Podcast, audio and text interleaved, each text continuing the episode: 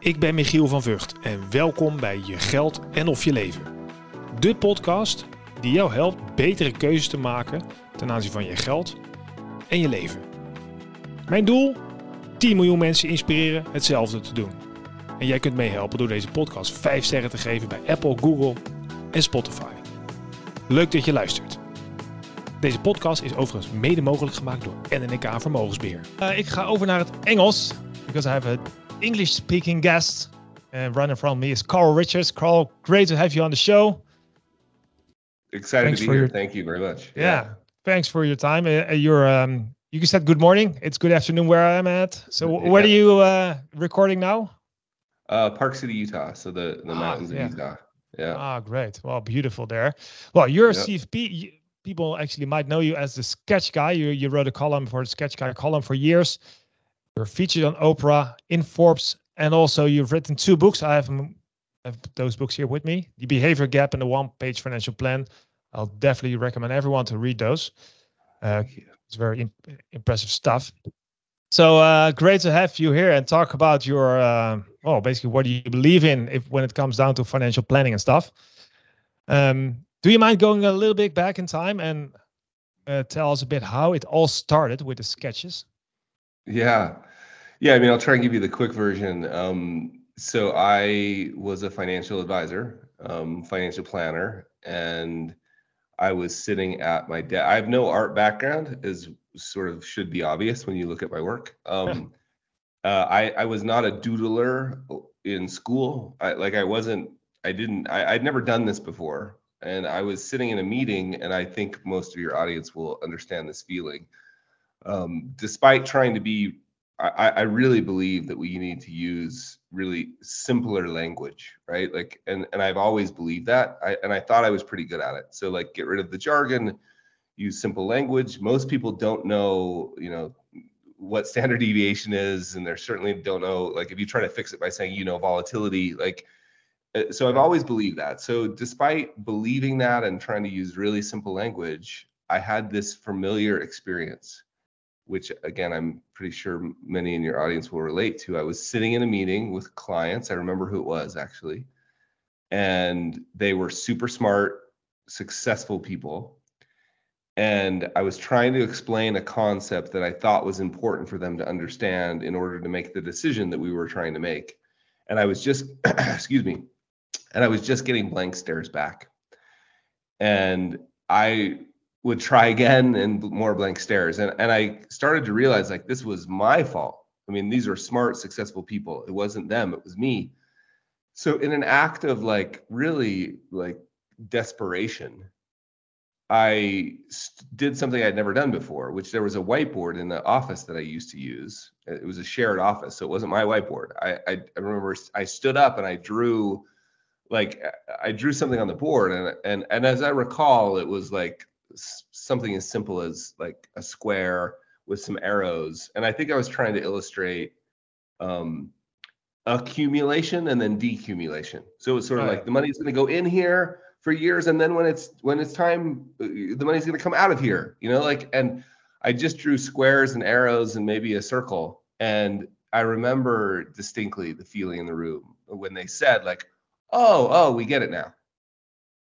Despite the fact that this was like, you know, I'd never done this before. So I, I remember that feeling and thinking, oh, that's really interesting. I, I wonder if I could repeat that. And so I did it in the next client meeting. I just, with like my yellow pad, you know, just legal pad, just drew yeah, something. And then I remember doing it at, at lunch on a napkin. And, and then, and one thing led to another. And then the next like important part was, one time, and I noticed clients always wanted to take it with them. Oh, right. Yeah, yeah. Which was fascinating. They were like, Can I take that? And I was like, Well, I'll redraw it nicely. And they're no, no, I want that one. Like they wanted, they wanted a souvenir of the experience that they had.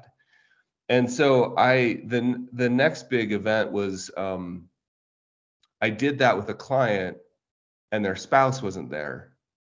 And they got home and like half a day later, they called and said, Hey, that thing you drew on the whiteboard, would you mind drawing on a piece of paper? And this was back, they were like, And would you scan it and email it to us? And I was like, Yeah, yeah. I was like, sure, whatever. So I drew it, scanned it.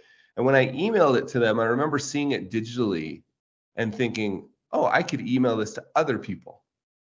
And there was no there was no big like grand plan. It was just no. like, oh, I can email this to other people. And that's what led to putting it up on the up on I created a little website called the Behavior Gap and I started putting it up on the website and then you know you fast forward a little bit it was 2 or 3 years of me putting it up on the website and only my mom and my sister noticed you know and then and then you fast forward a little bit and I actually got an email from the editor of the New York Times saying hey I love these would you do them for us? Oh, wow. And, and that's that's how that started. And then you know that just expanded to the books and everything else but really at its core was this realization that if you can make it simple enough that I can draw it, clients will understand it. Yeah. Uh, in your opinion, why is it so important that clients actually understand what you're explaining them? Yeah. So I I don't I I I think that it it varies by the type of client, to be honest. But clients actually may not need to understand technical concepts if they know that you know and know that you care. And so, if, in my example for this is, and so this is a little bit different than what I just said.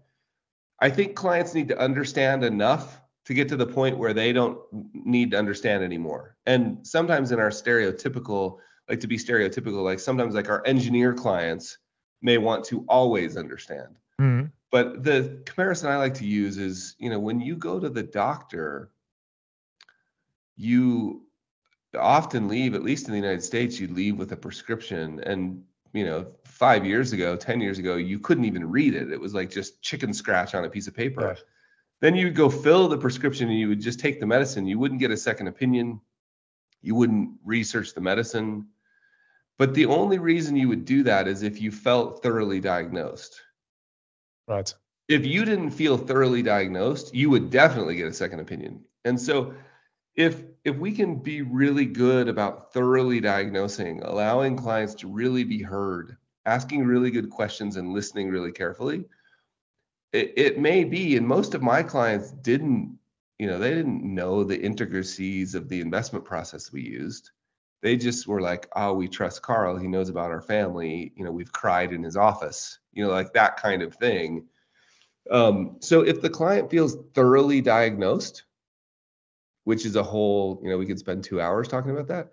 If the client feels thoroughly diagnosed, un- understanding the intricacies isn't that important, but still understanding the concepts of what we're doing, you know, clearly. And and financial planning is one of those things that what people think it is because of what they've seen on the financial pornography networks. What people think it is is completely different than what it actually is. What is it, financial planning? Then can you explain that? In your opinion, yeah, what is it? To me, it's it's the it's the never-ending process of aligning, and I I'm just in in my head. For those of you who are just listening, like I'm drawing in my head, like it's the never it's a Venn diagram. It's the never-ending process of aligning your use of capital. So in one circle would be use of capital, and there would be a, an asterisk by capital, and below that asterisk would say time money, energy, and attention. So time, money, energy, and attention. That's that's the four forms of capital I think you have. So it's one circle. So what is financial planning? One circle is your use of capital, and the other circle is what's important to you. And we want to get those circles overlapping. Like if we can align, and so that the way I would say that now without drawing it would be financial planning is your the never-ending process of aligning your use of capital with what's important to you. That sounds fair to me. It sounds so yeah. easy then. Yeah, yeah. It's so interesting that um, both of those very like aligning your use of capital and what's important to you, both of those are lifelong pursuits. Like I thought like the what's important to you part was easy. I was like, oh, you just ask clients like what's important. And it turns out we don't know. As humans, we don't know. It's it's that's a never-ending process. Like you think that you know retiring and getting on a sailboat is important to you and then you're like well have you ever been on a sailboat like, no i haven't ever well so you it, it's a never ending yeah. process so both of those it sounds simple most things that sound simple and right, most things that sound simple and right are actually quite complicated to to sort of get to. It turns out being simple or elegantly simple is quite hard. Yeah, especially when life's over life overcomes you, of course. You know, you, you can't basically look into the future. So stuff happens and then everything changes probably in the capital yeah. circle, but also what's important to you. Yeah, I mean, I think it's really, really important for us to realize, and I think we have this problem worldwide. I mean, I've spent lots of time over where you are. I've spent lots of time talking to financial planners in Australia, and New Zealand, and the UK, and all over Europe, and all over the US and Canada, and we all have this real kind of false sense of precision. Like we really like we're at risk, I think, of becoming sellers of certainty. Oh, and oh, right. the reason we want to sell certainty is because certainty is really easy to sell um, it, because every human wants it, but it's impossible to deliver. And so I think once we understand and commit to the idea that this is that's the never ending process part that just about the time you get the plan perfect in air quotes, something changes. And as soon as we realized like that actually, I remember being frustrated with that at first. Like, no, no, just stick with the plan, just stick with the plan. As soon as we realize it's the changes that are actually where we're most valuable, yeah. it's the it's the it, financial planning is not about being precisely correct today. It's about being a little less wrong tomorrow. And if we start with that default framing that, you know, this isn't physics, you know. Yeah, it's not. It's not like you, you wrote a beautiful, or not probably brief, beautiful, but a very interesting, I think it's a blog post, which says uh, market forecasting isn't like the weather. You're describing looking out of the window at your Utah, Utah mountains in and you ex- describe how the weather forecasting definitely got better last decades. However, forecasting of the stock market still the same. It's bullshit. Can be done, and yeah. we still yeah. look into this sort of holy grail. Where is it? How can I uh, forecast this economic stuff? Which can't, but we're looking for it, and it's false certainty. Probably we're looking for. Yeah, and look, I have deep empathy for that. Like we want, we desperately want to know. We're making incredibly important decisions right now and there's a whole industry willing to sell us the idea that they have certainty about they have the information we need to make this incredibly important decision.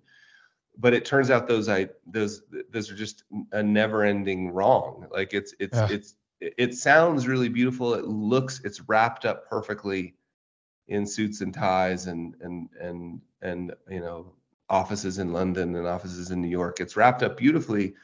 But we're and i think you see this with both the financial advice like the financial pornography networks but you also see it creep into real financial planners just because we don't we, we want it so bad. Like we, are looking people in the eyes and we're saying hey I, I got you. But what what we have really what they what people need is the truth and the truth is it's we're dealing with irreducible uncertainty.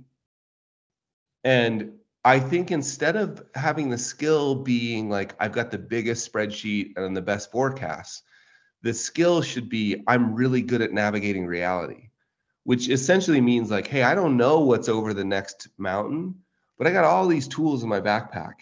Like, I'm really good at helping you make decisions in the face of irreducible uncertainty because I've done everything I can to re- get rid of the reducible uncertainty. Yeah, yeah I've done yeah. everything there, but there's still this pile here.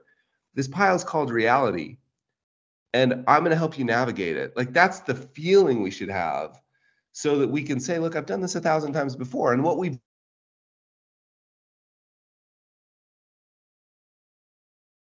like, and and then we we move and new information shows up. So that's the less wrong part New it the default should be I'm wrong. Let's make the best decision we can, see what shows up, and let's get a little less wrong. And so it's really like this narrowing in over time versus this perfect line that we draw in our financial plans. Is it is it uh, looking? I'm looking at this, one of your sketches in the background, which is the a line, and then they start like a sort of uh, I don't know, it's just a ball of all like yeah, yeah, yeah, yeah, and then going back to the big probably it's outcome or something like that, right? Yeah, that's what you're talking yeah, about. Yeah, I that. So that those of you who are seeing yeah, the video, yeah, that that image in the background is just a, a sort of a demonstrate. Sometimes we get confused. One of the reasons I think financial planners, even the best ones, still use really complex language is we feel like if we're too simple, people won't need us. I mean, I've been hearing that for I've been warned that my career is going to end because I'm too simple for like 20 years. And I thought it sounded kind of exciting to go to this scary land called Too Simple um, and and see what I could find. And so I, I I went there, and people kept warning me about the monsters. And I got there, and I was like, it's fine. And I think that's a fundamental misconception of what we're pointing to when we use the word simple. Mm. So simplistic simplistic is what I think we're scared of. And that's, you know, all the people in our industry, and there's a lot of them that should be selling shoes instead of fi- being financial yeah, planners. Yeah, yeah. But most of your audience, what happens is you go through the reps. Right? You've seen the nuance and the edge cases. You've studied. You've you've read. You know how to actually calculate a amortization table in your calculator. Like you you you've built the spreadsheets. You've done all the stuff and what, what happens is you come out the other side of that. And the other side of that is called elegantly simple. And um, Oliver Wendell Holmes uh, said that he wouldn't give a fig, he wouldn't give a fig for the simplicity on this side of complexity, but he'd give his right arm for the simplicity on the other side. Yeah, yeah, right. Yeah. And I think that's what I'm pointing to when I'm saying to your audience, like, please be more simple I'm saying that the people don't need uh, like you don't need to use it as a selling tool. You don't need it to impress people. What people are really impressed by is when you can take this really complex topic with all the nuance and say, you know, Michael, based on everything you've told me and everything I know, this is the thing that matters. Right? Like that's what they want. They just want you to take them there. It's probably a lot of probably still self doubt. I would say in sure. the in a lot of people are uh, in the profession. You're, sure. you're not good enough if you can make it simple enough. Yeah. Yeah, and I look deep empathy for that. Like, look, it's and it's we're relatively new at this. You know, this financial planning thing as a profession. We're um, w- the whole industry. Everybody else is super complex and uses complexity as a selling. I mean, you know, we most of us were taught if you were taught anything about selling, you were taught to use complexity to like you would dig a pit, throw the client into the pit, and then look down and say, I'm the only one with a rope. Yeah, yeah. But nobody likes being treated that way. So I have deep empathy with that feeling, along with the certainty feeling. But I think as a profession, we're we're we're gonna be stuck in this like hamster wheel until we realize that actually what we thought our value was, which which was like drawing this beautiful 30 year line on a piece of paper, you know, called a financial plan. We thought that was our value. It turns out our value actually is is more instead of being a defender of that outdated map, because we know your financial plan is wrong the second you hit print, you know, or yeah. save. We just don't know how. So rather than being a defender of that outdated map, our real value is being a guide in a, ch- a never ending, never uh, always changing landscape. So instead of a defender of an outdated map, we're a guide in a changing landscape. It's actually a better job. It's more based in reality and it's yeah. a little scary. It's scary, right? Because it's sometimes it's more, it's easier just to rely on that old myth that we know what's going to happen, but we yeah. don't. So yeah, it's anyway, all, I, you always also have to admit that you are wrong. You're going to be wrong for sure. Uh, however, you're going to do everything in your power to guide your clients to their desired outcome. I would say, but it's it's probably yeah. I think it's it it's a change of mind. Yeah, and I listen. I, I I don't have a problem. I actually started using with clients, and I've been using it for 15 years. Like telling them, hey, the only thing I know for sure about this financial plan is it's wrong. So I have a problem using that language, but you don't have to. What you can say is this represents our best, most educated forecast of the future. Yeah, for sure. Yeah. And we know the future won't turn out exactly like this. So we're going to be ever diligent watching. And please know this will change. Like that's different language than I'm wrong, but it's the same thing. Like, look, this is our best estimate of what the future will look like. And like every model, we know it's incorrect. We know it won't look just like this. So when you change your goals, or when the market changes, or when you don't inherit that money, or when you or when you do inherit that money, like it, there's going to be positive changes and negative changes, but there will be changes, and we're going to be here with you every step of the way, so that when those changes show up, we can make the best decision. Like that's the language you could use with yeah, clients, yeah. but it's much different than you know, really sort of sticking to this idea that we've got a forecast about the future. And if you if you look into this in the way you're explaining it, uh, the last couple of months is really going really fast with the AI and artificial intelligence, right? So uh, Chat GPT and all stuff like that. If you if you look into the profession of the financial planner as being a guide, is it, in your opinion, uh, still a very human profession instead of the technical stuff which can be done by a computer these days? is also the sort of the the way we can move have to move forward in order to stay uh, relevant yeah I, look I, I i'm not at all nervous about ai and even beyond uh, you know artificial general intelligence which we're not quite close to yet but i'm not nervous about either one of those because you know what what uh, maybe this is a good example like you're not going to have any time we're not anywhere near the idea yet of AI that's programmed to win the chess game, let's say, saying instead of the next move in chess, saying, I don't want to play. Okay. Or I would prefer to play checkers. The only place we've seen that in our in the history of the world is and this is remarkable really if you understand it and i've been diving deep into this it's like remarkable that the only place you've seen that ability really is evolution and humans. Like humans are the only ones that can say i i actually don't even want to do that. Like we can break all the rules. Like the the predictive models that said you should have done this everything we've ever created like the airplane was break we broke a rule a, yeah. a rule of oh, physics yeah. like you know? So i think i i still think that the i mean and i'm using chat quite a bit in my work and i'm excited that it's getting better and better and better. And it doesn't make me nervous at all to even tell clients like hey we i use this tool to get us to the spot where we now can be creative. You know what, what do you want to do? Like like the 30 a good AI financial planner is always going to tell you, right? That why would you pay off debt if your interest rate is 3% and I can get you eight, I can get you six or 7% or even four, or your interest rate is three and a half percent. My interest rate on my home is three and a half percent. Well, the equity markets have averaged between eight, let's just call it eight. Eh, there's never going to be a, a spreadsheet that tells me that I should pay off my debt. But I, Michael, I've been to mortgage payoff parties. You know what I mean? Like I've never yeah. been to a I've never been to a rational portfolio party.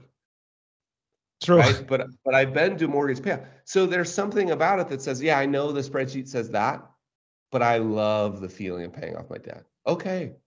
Right? Same thing with education, same thing with retirement. How many people do I I know I've had so many conversations where people have been like, I don't care at all about my retirement unless my kids go to the best school I can make possible. You know, and that's it. You you you often see that with first generation immigrants to the United States. We'll say yeah, that yeah. a lot. Like I like I don't even care. And then you'll see another the next set of clients who come in will say, I paid my way through medical school. I don't care. Like my kids are going to earn their own. Yeah, yeah. So one in two hours, one client is saying, I don't care at all about retirement. I want to, if my kid can get into Stanford, I'm paying for it.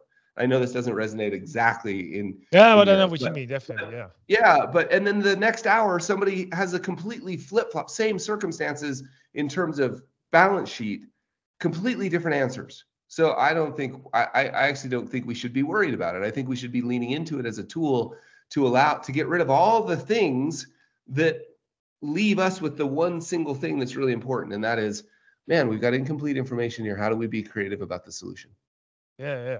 So you, you were talking about to, uh, AI as being a tool, and you were mentioning tools earlier when you were explaining you don't know what's behind the mountain, but we have a lot of, of a set of tools in our backpack, you know, to help our clients, you know, whatever circumstance or circum whatever uh, happens behind, uh, on the other side of the mountain. What would you say is the most important tool uh, in your experience, your personal experience, uh, even uh, we can use as financial professionals to help our clients and guide them to towards their goals. Yeah, yeah. I mean, it's interesting. Like all the technical tools are, and sometimes I get accused of downplaying the technical tools, and I, I'm I don't mean to do that. I I just mean they're table stakes at this point. Like you you you have to know how to use the calculator and the spreadsheet. I think the most important tool now is the ability to ask really good questions and listen. Right? Discovery. I think being able to give somebody a spot and I, I i know like i i heard this we lived in in london for a year and i've spent plenty of time over there and i know there's this like version of like the crop the arms folded you know rational european who's like i, I i'm not going to cry in your office like there's no feelings around money in europe it, i don't buy it at all right like it, it, it of we're all humans and we're all so I think the ability to get a little deeper. If I was going to train one uh, ability, like, and by the way, you know, I'm seeing increasingly, I'm seeing models where you may not have to have the technical expertise. Like you can partner with somebody who has the technical yeah, expertise. Yeah.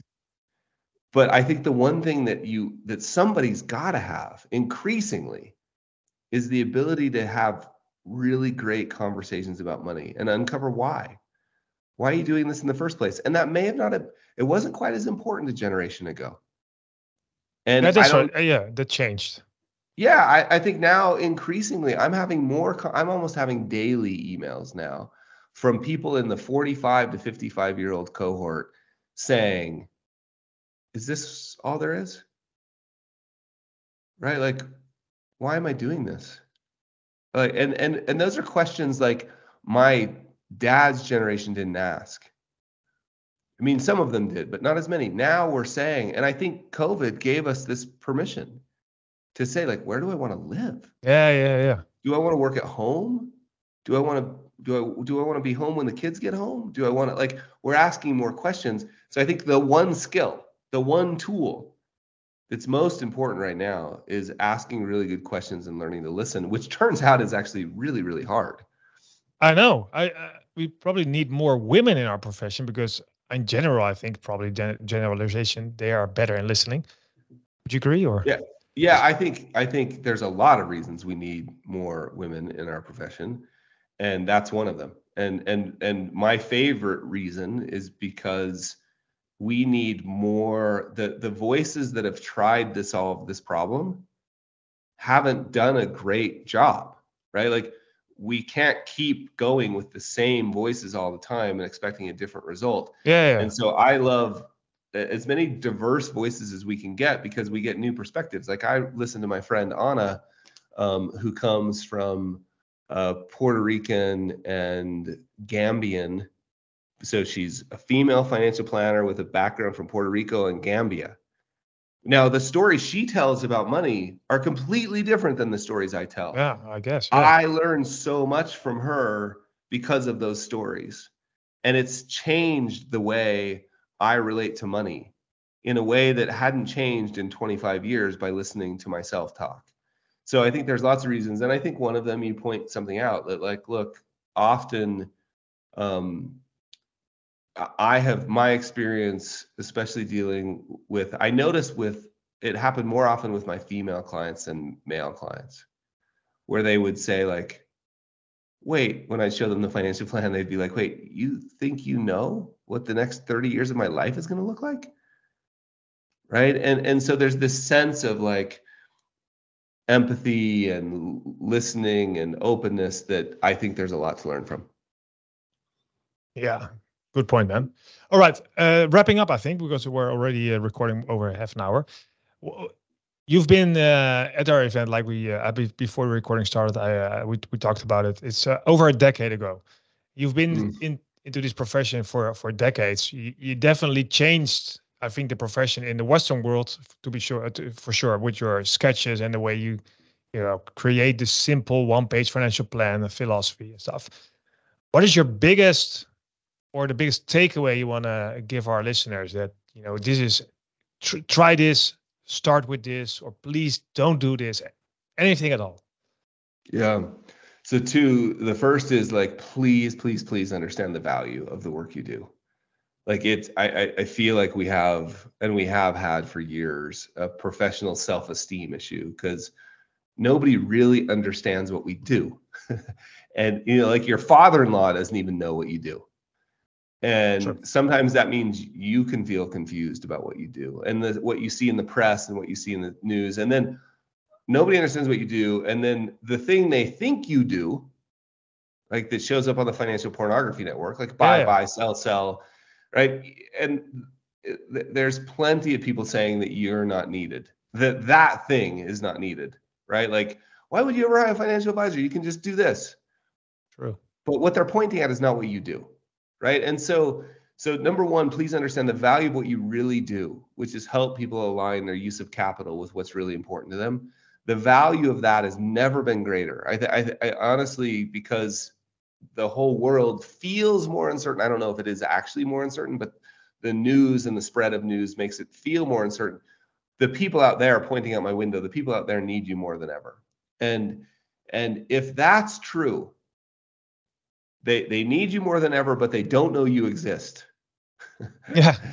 then then I that then this is the second thing that I would just beg you to do. Like please, please, please just start telling the stories more frequently. Like play in traffic a bit. Do your work a little more publicly. Right? Get, write a column for your local hometown newspaper. Start a blog, start a podcast and tell the stories.